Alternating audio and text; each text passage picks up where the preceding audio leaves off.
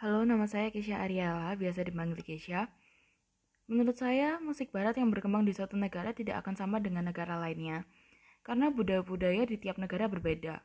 Sehingga, serapan yang diambil dari suatu musik barat tidak akan berkembang dengan sama dengan negara-negara lain. Misalkan musik barat yang diserap dengan Cina. Musik barat yang diserap oleh Cina tidak akan sama dengan musik barat yang diserap oleh Jepang. Karena musik barat yang diserap oleh Cina akan diakulturasikan dengan musik-musik yang ada di Cina dan disesuaikan dengan kebudayaan orang-orang Cina.